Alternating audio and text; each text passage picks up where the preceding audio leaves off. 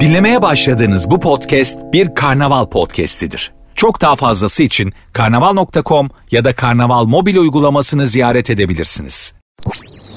Sertünsüz.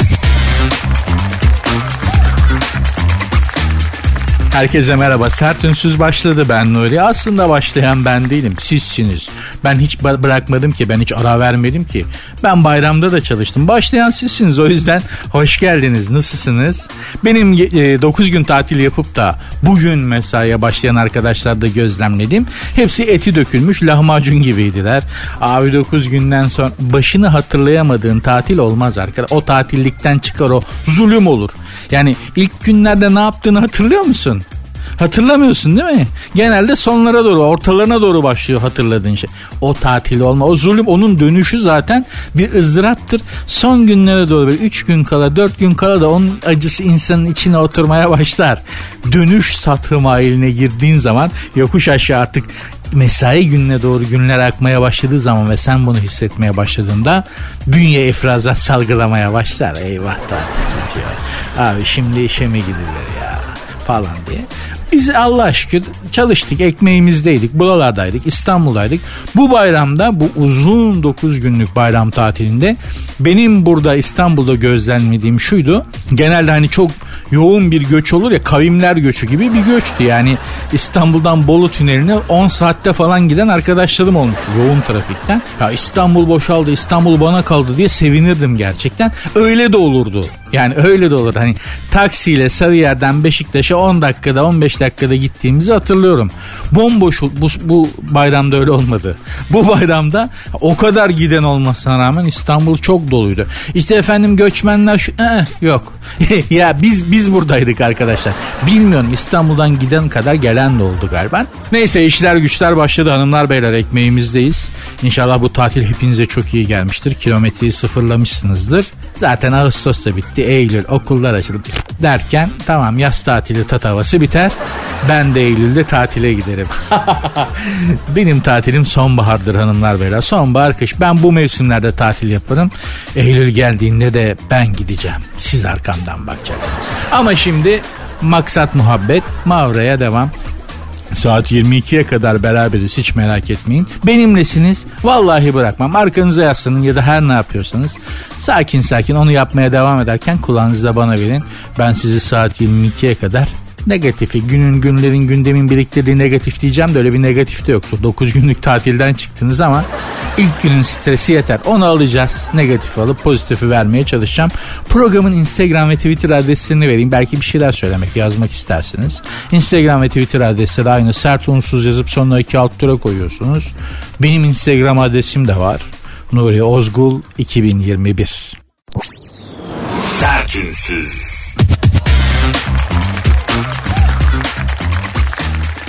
Efendim içinde bulunduğumuz ay malum Temmuz ayı e, Cassius Julius Caesar'ın öldürüldüğü ay biliyorsunuz. Meşhur Jules Caesar senli mi Brutus? diye üvey oğlu tarafından bıçaklanınca senli mi Brutus? diye son nefesini veren meşhur Romalı diktatörün adı general aynı zamanda. Julius Caesar hanımefendiler beyefendiler içinde bulunduğumuz ayın adı da zaten Julius Caesar'dan geliyor. Julie Julie Temmuz. Yani neden Julie peki? Çünkü bu Sezar bir takvim yaptırmış. Yani Roma imparatorlarının böyle bir merakı var. Ben yeni takvim yaptım diye babaların böyle hani imparatorluk belki de diktatörlük şey belirtisi yani. Her gelen yeni takvim yapıyor kardeşim. Takvim dediğimiz şey çok tatava, çok telmaşa bir şey o yüzden. İşte bu Jules Caesar da efendim bir takvim yaptırmış. Fakat ondan önce takvim yaptıran Augustus e, aylardan birine kendi adını vermiş. Ağustos dediğimiz şey işte Augustus'tan geliyor. O Romalı diktatörden geliyor. Jules Caesar bunun üzerine diyor ki benim takvime de aylardan birine benim adımı verin şşt diyor. Takvimi yapanlar da diyor ki beyler bu çok saçma bir şey ama yani bu adamın adını aylardan birine vermek zorundayız yoksa bizim kelleyi alır bu. Takmış illa aylardan birine benim adımı verin diye. İşte içinde bulunduğumuz ayın adı Jules, Julie Jules Caesar'dan geliyor. İyi ki hani mesela Taceddin değilmiş adı değil mi? Bugün 5 Taceddin. Bugün 6 Hüsnü falan diye böyle bu gerçekten bizim şeylere pek gitmiyor. Konduramıyoruz yani değil mi? Hani padişah isimlerine de baktığınız zaman şimdi modern isimler falan pek padişah isimlerine gitmeyen. Padişah 4. Berke. Oldu mu? Olmadı değil mi yani? Olmuyor. Maalesef olmuyor yani. Sultan 2. Girişken Tunç falan. Olmuyor gitmiyor modern isimler hmm, tarihteki isimler yerlerinde ağırlar. Bizim isimler de bizim zamanımızda ağırlar. Ama içinde bulunduğumuz ayın adını adının Jules Caesar'dan geldiğinde sizi hatırlatmak istiyorum. Biliyorsunuz kendisi acı bir kader yaşadı. Üvey oğlu tarafından bıçaklandı ve sen de mi Brutus diyerek üvey oğlun çocuğa da iyi bakmış ha okutmuş adam etmiş falan. Buna rağmen senatörlerin gazına gelerek üvey oğlu tarafından yani bir tek üvey oğlu bıçaklamıyor tabii. Bir sürü insan bıçaklıyor babayı fakat o hangisini seçiyor algısı son nefesinde bile en çok emek harcadığı insan sen de mi diyor. Hadi ötekiler tamam onlar çıkar menfaat için öldürürler. Sen o da onun için öldürmüş işte. O yüzden aman ben buna bu kadar emek verdim bana böyle mi yapacaktı bu nankörlük. Yapıyorlar abi. Yapıyorlar yani. O yüzden hiç, ne demişler duvara dü- güvenme yıkılır insana güvenme ha neydi öyle bir aman neyse boş verin diyeceğim ne kadar emek vermiş olursanız olun ne kadar çaba sarf etmiş olursanız olun, üzerinde ne kadar hakkınız olursa olsun, her insandan yanlış görebilirsiniz. Tarih boyunca böyle al işte bıçaklamış ya adamı, evladı gibi, öz evladı gibi bakıp büyüttüğü adam yani. O yüzden herkesten her şeyi de beklemek lazım diyerek mevzuyu buraya bağlayıp inceden tatlı ufak bir ara vereyim, devam edeceğiz. Sertünsüz. Güzel bir haber var elinde. Yani güzel mi bilmiyorum ama ben ilk okuduğumda sevindim. Yani umutlandım şu maymun ve goriller taş devrine girmişler. Şempanzeler ve maymunlar taş devrine girdi diye başlıyor haber. Bilim insanları Asya, Afrika ve Güney Afrika'da yaşayan maymunların ve şempanzelerin taşlardan adetler, ağaç dallarından ise mızraklar yapmaya başladığını gözlemlemiş. Ben size söyleyeyim bunlar bu gidişle bizi geçer. Yani taş devrine girdilerse zaten bizim gibi olmaya bir şey kalmadı. Ateşi bulacak, tekerleği bulacak, Zaten 15 sene sonra falan bunlar Fransız devrimi. 2 sene sonra sanayi devrimi deyince ben size söyleyeyim 50 sene sonra maymunlar yönetir. Bunlar bu gidişle bizi geçerler. Ama yani taş devrinin esprisi nedir arkadaşlar? Tekerleği bulacaksın. Bu kadar yani taş devri tekerlektir. Tekerleği bulduğun zaman iş yürüyor. Buradan da maymunlara sesleniyorum. Sakın bulmayın. Yani biz bulduk. Tekerleği bir bulduk. Tekerlekle ateşi. Bizi dinleyen maymunlara sesleniyorum taş devrine girmiş beni dinleyen maymun varsa eğer e, ya da yoksa da tanıyanlar anlatsın. ne bileyim işte. Söyleyin yani. Abi bak biz tekerleği bularak geldik. Bizde olmadı. Ya çok kötü bir yere çıkıyor o yolun sonu. Siz oradan gitmeyin. Biz gittik. Bak birbirimizi yiyoruz. Birbirimizi boğazlıyoruz. İnsan insanı öldürüyor ya. İnsan insanı öldürür mü be kardeşim? İnsan hiçbir canlıyı öldürmez de birbirimizin boğazını sıkıyoruz. Maymun arkadaşlara sesleniyorum. Bu tekerlek işine falan başka bir yoldan gidin siz. Bak o mağara duvarları falan var. Sanattan biraz yürüyün bakalım. Resim mesim heykelden yürüyün. Bakalım o yol nereye çıkacak. Hayırlı uğurlu olsun. Bütün maymun camiasına buradan taş devri hayırlı uğurlu olsun. Zaten çok da zor bir devir değildir yani. Ha tamam insanlığın bu devre girmesi 50 bin sene almış. 50 bin senede bak 50 bin senede bir taşa sap bağlayıp balta yapmayı akıl edebilmiş. 50 bin sene sürmüş. 50 bin sene. Diyorlar ki ve bütün bilim insanları bunu araştırıyor. Neden? Neden böyle bir şey yaptı? 50 bin sene binlerce sene hiçbir şey yapmamışsın 50 bin sene boyunca. Sonra birden e, dur lan şu kim akıl etti acaba? Şu taşın ucuna böyle bir odun bağlasam da onunla böyle bir şey yapsam falan diye biri akıl ediyor ve ondan sonra bir daha da insanlık iflah olmuyor. Ha nedir? Benim teorim şudur. Mağaraya geri dönüyoruz. Yık ivmelenmemizi tamamladık medeniyet yolunda. Bundan sonra yokuş aşağı geldiğimiz yere geri dönüyoruz mağaraya. Maymunlar da tam tersi mağaradan çıkmaya başlamışlar. Vallahi arkadaşlar biz çok iyi bir şey yaş- ya arkadaşlar derken maymunlara sesleniyorum. Taş devrine giren maymunlara. Siz alınmayın üstünüze. Vallahi yani biz çok iyi bir şey başaramadık be. Yani hadi bakalım sizi gördüm. Siz inşallah bizden daha iyisini yaparsınız arkadaşlar. Hadi. Hadi Allah kolaylık versin. Hayırlı uğurlu olsun. Taş devri. Sertünsüz. Ya az önce maymunlardan bahsettim. Taş devrine girdiler diye. Mevzunun devamı da varmış. Ben onu atladım. İyi ki de atlamışım. Biraz ara vermemiz iyi olmuş. Ee, kargalar. Kargaların zeka seviyesi 7 yaşındaki bir çocuğun zeka seviyesine eşitmiş ki bu da ortalama dizi, dizi izleyicisinin ortalama zeka yaşı yapıyor. Yani diziler buna göre yazılıyor biliyorsunuz. Yani bu diziyi izleyenlerin ortalama zeka yaşı 7, 9 ya da 11 diye düşünüyorlar ve öyle yazıyorlar. Hani ne, neden öyle uzun uzun boş boş bakıyorlar, anlamsız anlamsız laflar ediyorlar, sürekli birbirlerine kazık atmaya çalışıyorlar falan zannediyorsunuz ki. Çünkü bizim zeka yaşımızı 7 ya da 9 ya da 11 gibi hesaplıyorlar. E kargaların da zeka yaşı 7'ymiş.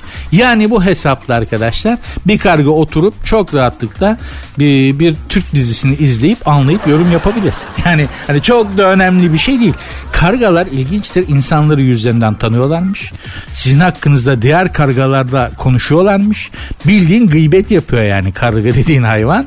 Sizin ne yaptığınızı hatırlıyormuş ki gerçekten çok kindardır. Karga unutmaz. İyiliği de kötülüğü de unutmaz. Çok pis yazar kenara ve intikamının da acı olur gerçekten. Ben çok gördüm karga kovalayan insan. Beni kovalamadı açıkçası. İyi ki kovalamadı ama kargaların saldırısına uğrayan, kargaların kovaladı. Ya yerde ko- yani koşarak insan kovalayan karga gördüm Bağdat Caddesi'nin alt tarafında. Tam Bağdat Caddesi'nde değil de onun bir alt caddesinde. Kaldırımda ö- önden kadın koşuyor, arkadan karga ko- yürüye yürüye kovalıyordu kadını ya. Ya sen nasıl bir hayvansın arkadaş? Nasıl bir varlıksın sen? Bu kadın ne yaptı? Sen bunu nasıl kenara yazdın be abicim? Ee, bazı araç gereçleri kullanabiliyorlarmış ve geleceği planlayabiliyorlarmış kargalar ki bu bazı insanlardan Mesela benden daha ileri yani ben geleceği planlayamıyordum mesela. Ama kargalar planlıyor. Benden daha ilerideler bu konuda mesela. Bazı araç gereçleri kullanabilen ben de o konuda da benden iyi sayılabilirler. Diyeceğim hanımlar beyler maymunlarla kargalar geliyorlar. Sıkı durun. Gerçekten sıkı durun yani. Yarın bir gün sizin CFO karga maymun olabilir. Hiç şaşırmayın. Çok hızlı geliyorlar. Bizden daha hızlı ilerliyorlar. Bilim insanlarının söylediğine göre. Ben size her zaman söyledim. Ve hiç iyi bir yere gitmiyoruz. Allah sonumuzu hayretsin. Sertünsüz. İngiltere Dışişleri Bakanı'nın söylediğini duydunuz mu? Türkiye ile ilgili bir şeyden bahsetti kadın. Bu şimdi Dışişleri Bakanı ama Boris Johnson istifa etti ya bizim e, Kırıkkaleli istifa etti biliyorsunuz. Onun yerine şimdi başbakan bulacak bu İngilizler. Bu Dışişleri Bakanı olan hanımefendi de aday.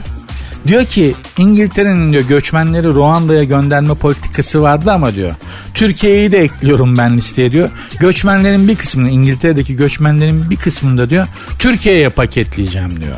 İngiltere Dışişleri Bakanı. Türkiye'nin bundan haberi var mı? Yok. E şimdi haberimiz oldu. Ne yapıyoruz?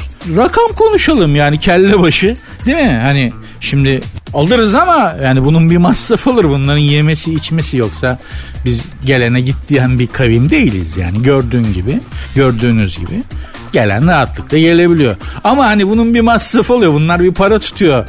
Hanımefendiciğim ismi neymiş? Liz Truss. Tras. Bunların bir ufak masrafı var hanımefendiciğim. Yemesi, içmesi, ikamesi falan. Bunlara biraz yani o rakamı konuşalım. Kaç para vereceksin? Onun dışındaki mevzu değil. Bize kaç para vereceğini söyle. Bizdeki mantalite bu. Parayı göreyim, Orada öyleyim bebeğim. Sen bana rakamdan bahset. Boş ver. Ondan sonra gönder Çinli, Finli, Zenci, Suriyeli, Afrika. Gelsin. Gönder gelsin. Hiç merak etme. Orada sıkıntı olmaz. Ama rakam ne? Bizim takıldığımız şey o. Rakam yani. Bu arada AYT'de matematikte 40 soruda doğru cevap ortalaması 4'müş. Yani 40 soruda 4 soruya cevap vermişiz. Rakamlarla sayılarla bu kadar aramız bozukken değil mi? Para söz konusu olunca hani parayı göreyim rakam konuşalım. O, o da ayrı bir şey yani ya. Gerçekten millet olarak çok enteresanız. Matematikle aramız berbat.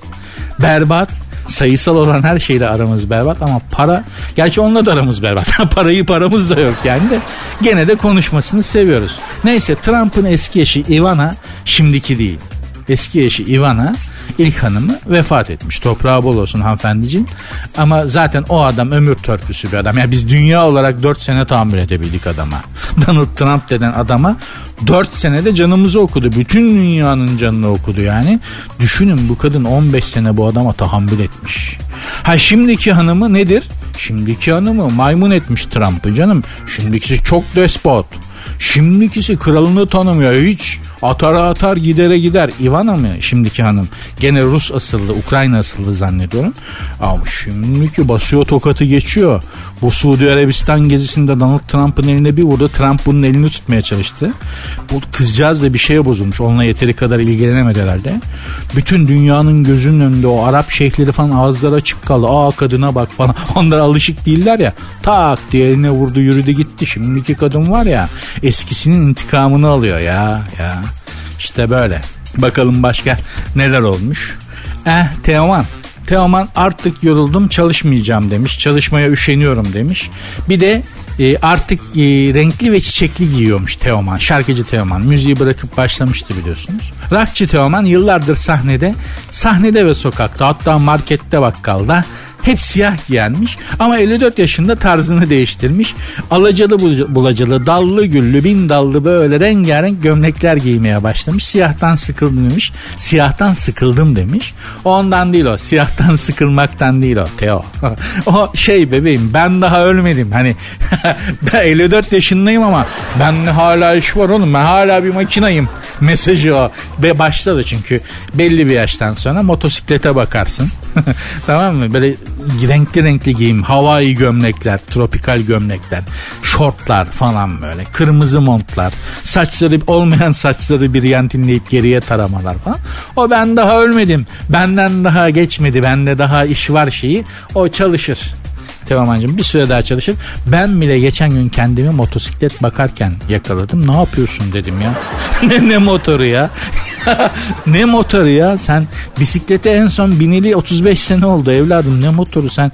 Neden? İşte yaş 50. Ondan da motora bakıyorsun. Havai gömlek giyiyorsun. Parfüm. Ulan parfümümü değiştirsem ne yapsam? Falan onların hepsi benden iş geçmedi kaygısı. Teoman'cığım yoksa siyahtan sıkılmak falan değil ama öyle de olsa Teoman söylerdi. Yani kendisiyle çok barışık bir insan bir gece kulübünde karşılaşmıştık. İlk orada yani ilk, ilk tanışmak diye bir şey yok zaten bir kere tanışırsın. Orada bir gece kulübünde tanışmıştık. Sinan Çetin vardı, Kadir Çöptemir vardı, e, Teoman vardı. Teoman sonradan geldi, ben vardım. İşte Sinan Çetin, Kadir Çöptemir ben sohbet ediyorken Teoman geldi. Teoman o ara Sinan Çetin'in film, şir, e, şirketinden film çekiyordu. Ama dudak patlamış, yüz göz morarmış falan. Ne oldu baba dediler. O Teoman o kısık ve şey viski voice sesiyle şey dedi dayak yedim. ya bir erkeğin bunu bu kadar net söylemesi o kadar güzel bir şey ki. Dayak yedim. Neden? Kız meselesi. ya çok hoşuma gitmişti. Gerçekten çok sevmiştim. Bu kadar barışık, kendisiyle bu kadar içten ve samimi bir erkeğin çok zordur dayak yedim demesi. Yani bu cümlenin ağızdan çıkması çok zordur. Ya da şunu eklersin. Dayak yedim ama sen bir de onu gör. Hani hani eziklemezsin kendini ama adam açık açık söyle. Dayak yedim baba. Neden? Kız meselesi. o zamandan beri Teoman'ı severim. Baba sende hala iş var. O çiçekli miçekli şimdi gitmemiş. Bakıyorum altta da şort falan. Zaten bacaklar ince pırasa gibi çıkmış şortun içinden. Baba sen siyaha dön. sende hala iş var tamam eyvallah. Teoman'sın. Bizimsin ama bu, bu olmamış Teoman. Yakışmamış. Başka ne var? Bakalım Serdar Ortaç ne demiş?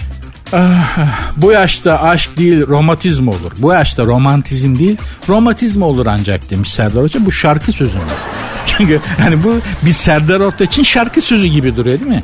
Bu yaşta ancak romantizmini yani öyle tuhaf da gidiyorsun iki kapı öteye bilmem ne falan böyle tuhaf tuhaf sözleri vardır ya. Yok düz demeç vermiş. Buradan da Serdar Ortaç'a sesleniyorum. Baba bunu şarkı ya.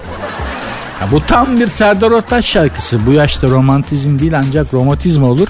Bu da patlar ha. Yani yap bunu. Şarkı yap. Serdar Ortaç'a sesleniyorum eskide radyocudur hatta ilk radyoculukta başlamıştır. Dolayısıyla da hani kıdemli radyocu sayılır bizden.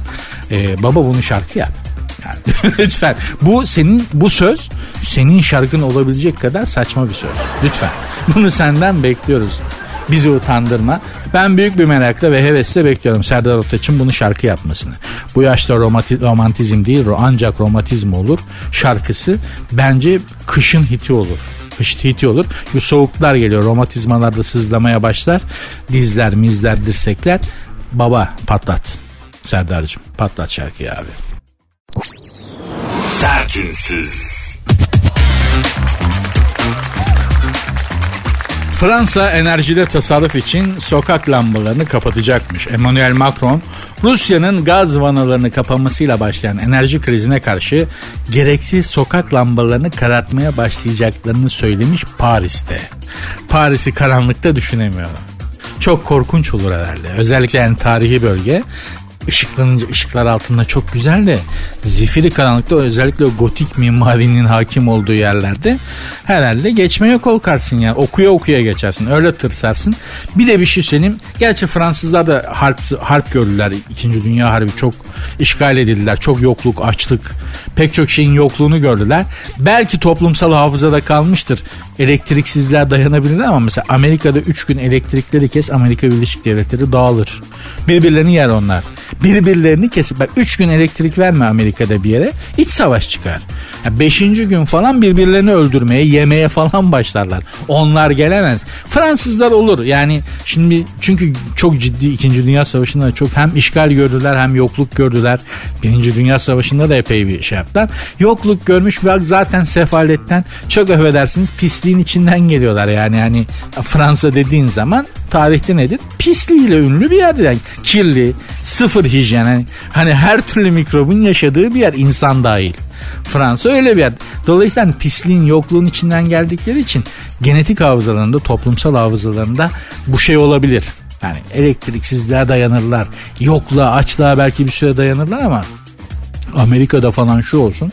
Amerika ayrışık devletleri olur. Anında Birleşik Devletler falan kalmaz. Asla asla. Avrupa'da buna mesela Almanlar falan da dayanır da İngilizler yok onlar dayanır be. İtalyanlar falan gelemez pek. Onlar da açlığa gelemez. Kan şekerleri düştüğü için hamur işine falan meraklılar ya. Onlar da açlığa dayanamazlar. O yüzden büyük arıza çıkar. Yani yoksa onun dışında Avrupa dayanır. Bu elektriksizliğe açlığa falan idare ederler. Çünkü yapmışlar vaktinde. Bir kere yaptıysan bir daha yaparsın. Ama mesela Amerika'yı böyle görmeyi çok isterim. Gerçekten isterim yani. Hani ne yalan söyleyeyim isterim. Ben bir Amerikan karşıtıyım. Gerçekten Amerika'nın da başına bir şeyler dolansın. istiyorum yani. Tatlı tatlı yemenin acı acı ödemesi olacak. Olmalı. Sertünsüz.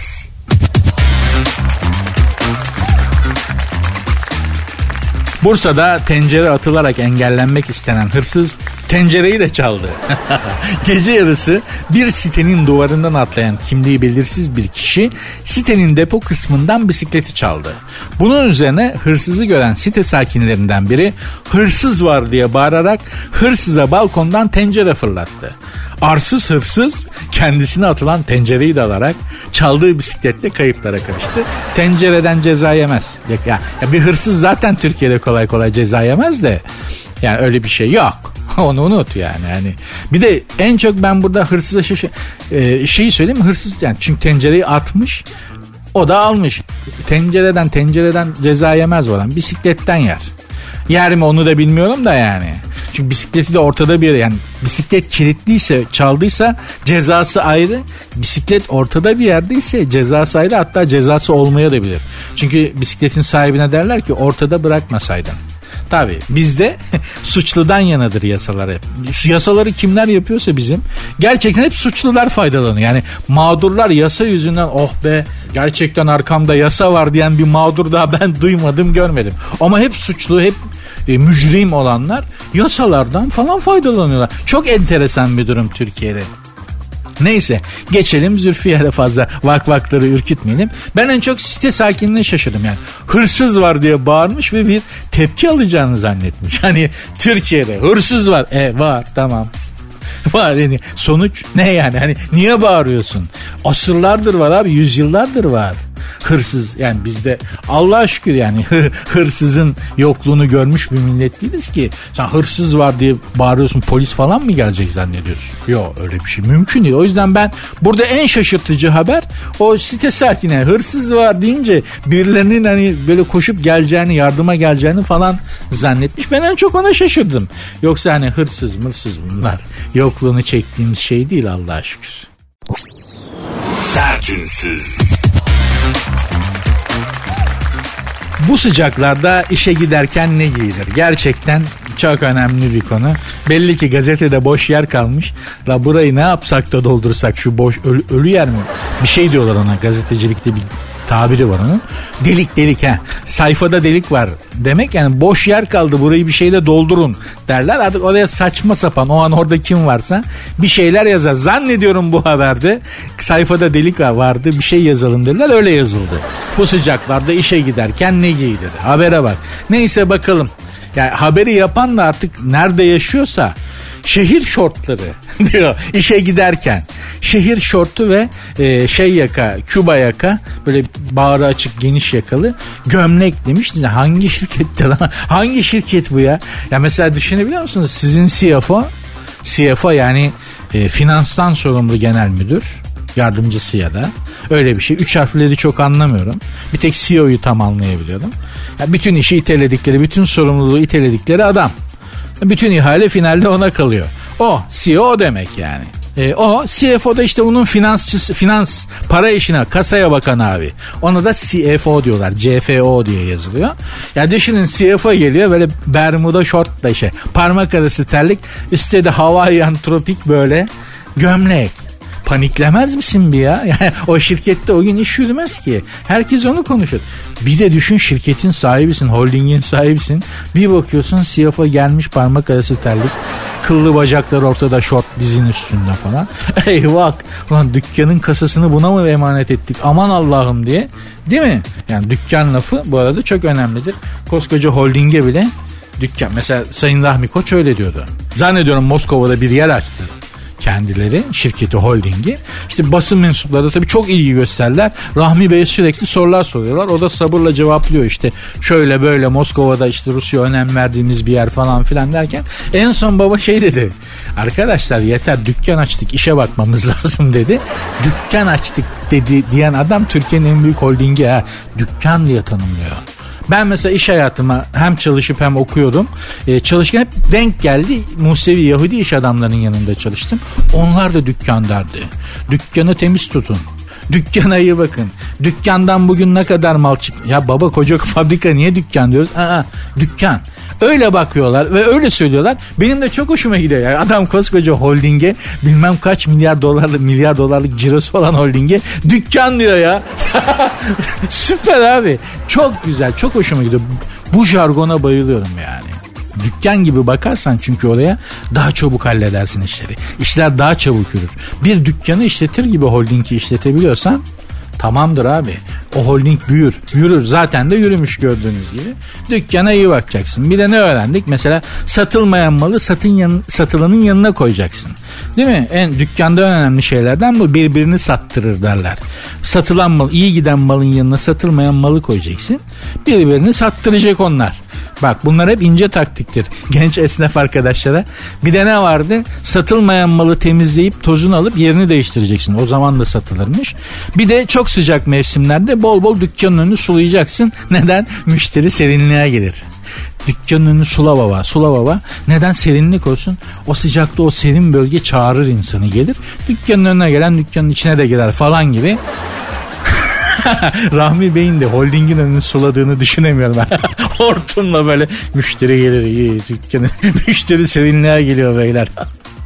ya ne güzel ya. Gerçekten seviyorum. Esnaf jargonu çok önemli. Sertünsüz.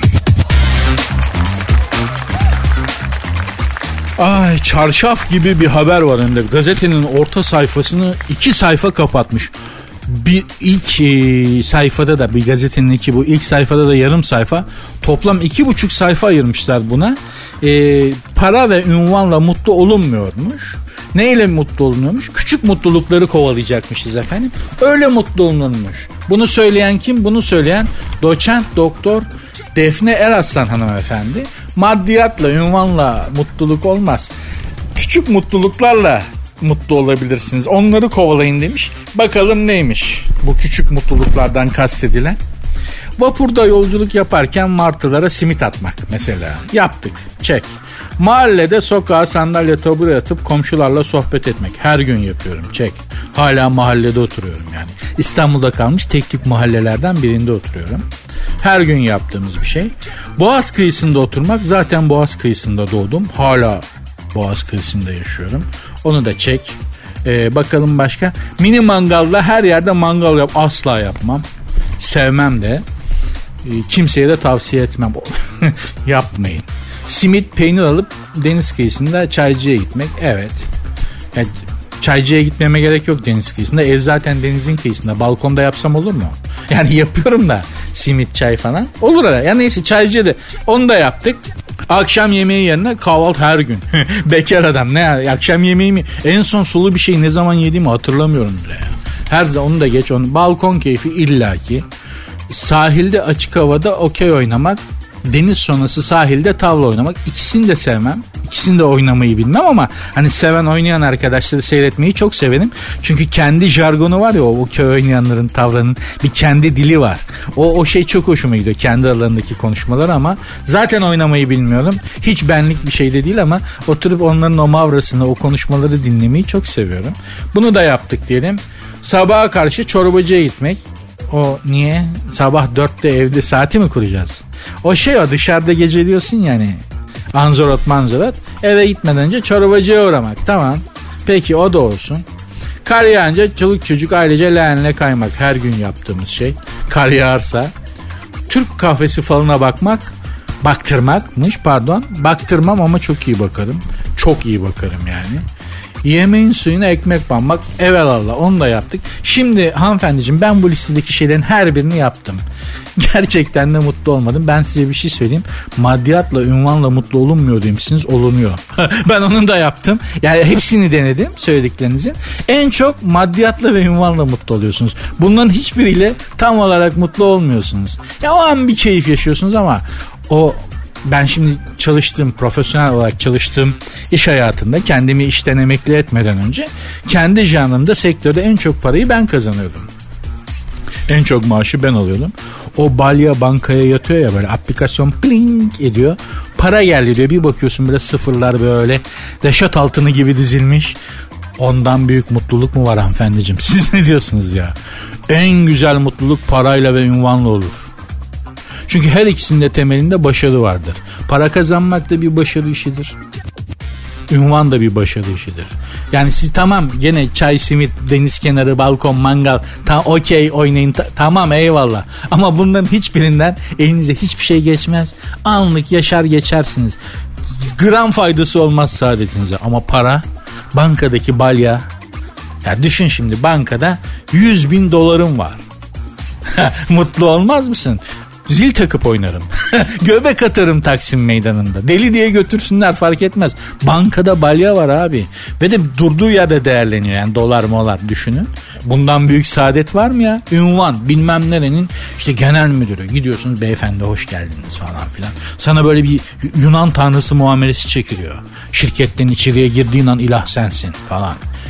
Baba bunlar kötü şeyler değil. O yüzden siz bu şeye çok fazla kafayı takmayın. Ay çay simit yerim balkonda işte menemen yapar yerim. Aa, siz parayı ve ünvanı kovalayın daha çok mutlu olursunuz. Gerçekten hani sağlığı ayırıyorum. Sağlığınız bozuksa bunların hiçbiri beş para etmez ama sağlığınız yerindeyse sizi mutlu edecek şey şudur. Para ve ünvan. Bana güvenin. Ben hepsini yaşadım. Hepsini gördüm. İçeriden yaşamış biri olarak söylüyorum. Cukka sağlamsa bir titriniz bir ünvanınız varsa size ağırlık veren mutlusun abi. Bitmiştir. Sertünsüz. Hapisten başkanlığa doğru. Lula. Lula bir şey e, Brezilya'da bir siyasetçi 580 gün hapis yatmış. Baba rüşvetten almışlar araklamışlar içeri. İlginç yani Brezilya bir üçüncü dünya ülkesi. Ve rüşvetten müşvetten adam tutuklanıyor. Hayret ya. Hakikaten Brezilya'da bir ışık var demek yani. Hani rüşvet aldı diye birini hapse atılıyor, atıyorlarsa değil mi? Brezilya'da bir ışık var oradan olabilir bir şeyler. Neyse babayı 580 gün hapse atmışlar rüşvet işinden. Çıkmış siyasete girmiş ve e, başkanmış daha önceden. Devlet başkanıymış yani. Neyse rüşvetten almışlar. Tekrar dönmeye hazırlanıyormuş. Ve dünyanın çok ünlü bir gazetesi. Şimdi adını söyleyebiliyor muyum bilmiyorum. Risk almayayım. Çok önemli bir gazete. Ee, kendisi hata yapmazsa popülist Bolsonaro'yu Bolsonaro e, bunun rakibi başkanlıkta. Popülist bir siyasetçiymiş. Onu geçebileceğini söylüyorlarmış imkansız. Eğer rakibi popülist bir siyasetçi ise onu hiç kimse geçemez. Çünkü bugün dünyadaki geçerli ideoloji ne emperyalizm ne sosyalizm ne liberalizm bugün dünyayı popülizm yönetiyor. Popülizm nedir? Nasıl bir şeydir? Bir ideoloji değil ama e, ideolojinin arkasındaki söylem, davranış şekli, propaganda şekli falan iğrenç bir şeydir. Hani hani Naziler falan kullanmıştır bu popülizmi ama faşist bir yöntem değildir yani. Nazi yöntemi değildir ama Nazilerin de kullandığı bir yöntemdir. O Almanya'yı o büyük kitleleri peşinden sürüklerken Adolf Hitler denen karaktersiz popülizmi kullanmıştır. Çok etkilidir. Bugün bütün dünyayı da popülizm yönetmektedir. Popülist politikalar yönetmektedir arkadaşlar. O yüzden Hepimiz yoğun bir popülizm bombardımanı altındayız. Her yerden ve her açıdan. Birbirimizle olan ilişkilerimizde de ne olduğunu bilmesek bile hep popülizm yapıyoruz. E, ne nedir popülizm? Şimdi anlatmayayım. Programın ruhuna da uygun değil. Zaten anlatmaz uzun sürer çünkü program bugünlük bitti. yani size popülizmin ne olduğunu anlatacak değilim ama Google'a popülizm yazarsanız Google baba size hepsini uzun uzun tatlı tatlı anlatacaktır. O zaman vay be diyeceksiniz. Gerçekten öyle mi ya? Demek popülizme maruz kalıyormuşum da ben popülizmin gazına gelerek oy veriyormuşum. Araba seçiyormuşum, yemek seçiyormuşum, elbise seçiyormuşum. Ona göre ilişkilerimi düzenliyormuşum da farkında değilmişim diyebilirsiniz. Popülizme dikkat edin. Dünyanın her yerinde, her türlü ilişkide, her türlü temasta, iletişimde artık popülizm geçerli maalesef. Allah hepimizi korusun. Hanımlar beyler bugün programı bağlar başı yapıyorum. İnşallah keyifli bir program olmuştur bayram dönüşü. Şu ilk mesai gününde size biraz negatifi alıp bünyeden pozitif vermek bahsinde faydalı olmuştur. Programın Instagram ve Twitter adresini hiç hatırlatmadım. Zaten hatırlatsam da sallamıyorsunuz pek. Yani gelen şeylerden anladığım kadarıyla ama olsun. Ben gene de hatırlatayım. Belki birileri ciddiye alıp bir şeyler yazar, bir şeyler söyler. Programın Instagram ve Twitter adresi zaten aynı. Sert unsuz yazıp sonuna iki alt tire koyuyorsunuz. Benim Instagram adresim de Nuri Ozgul 2021. Görüşmek üzere. Dinlemiş olduğunuz bu podcast bir karnaval podcastidir. Çok daha fazlası için karnaval.com ya da karnaval mobil uygulamasını ziyaret edebilirsiniz.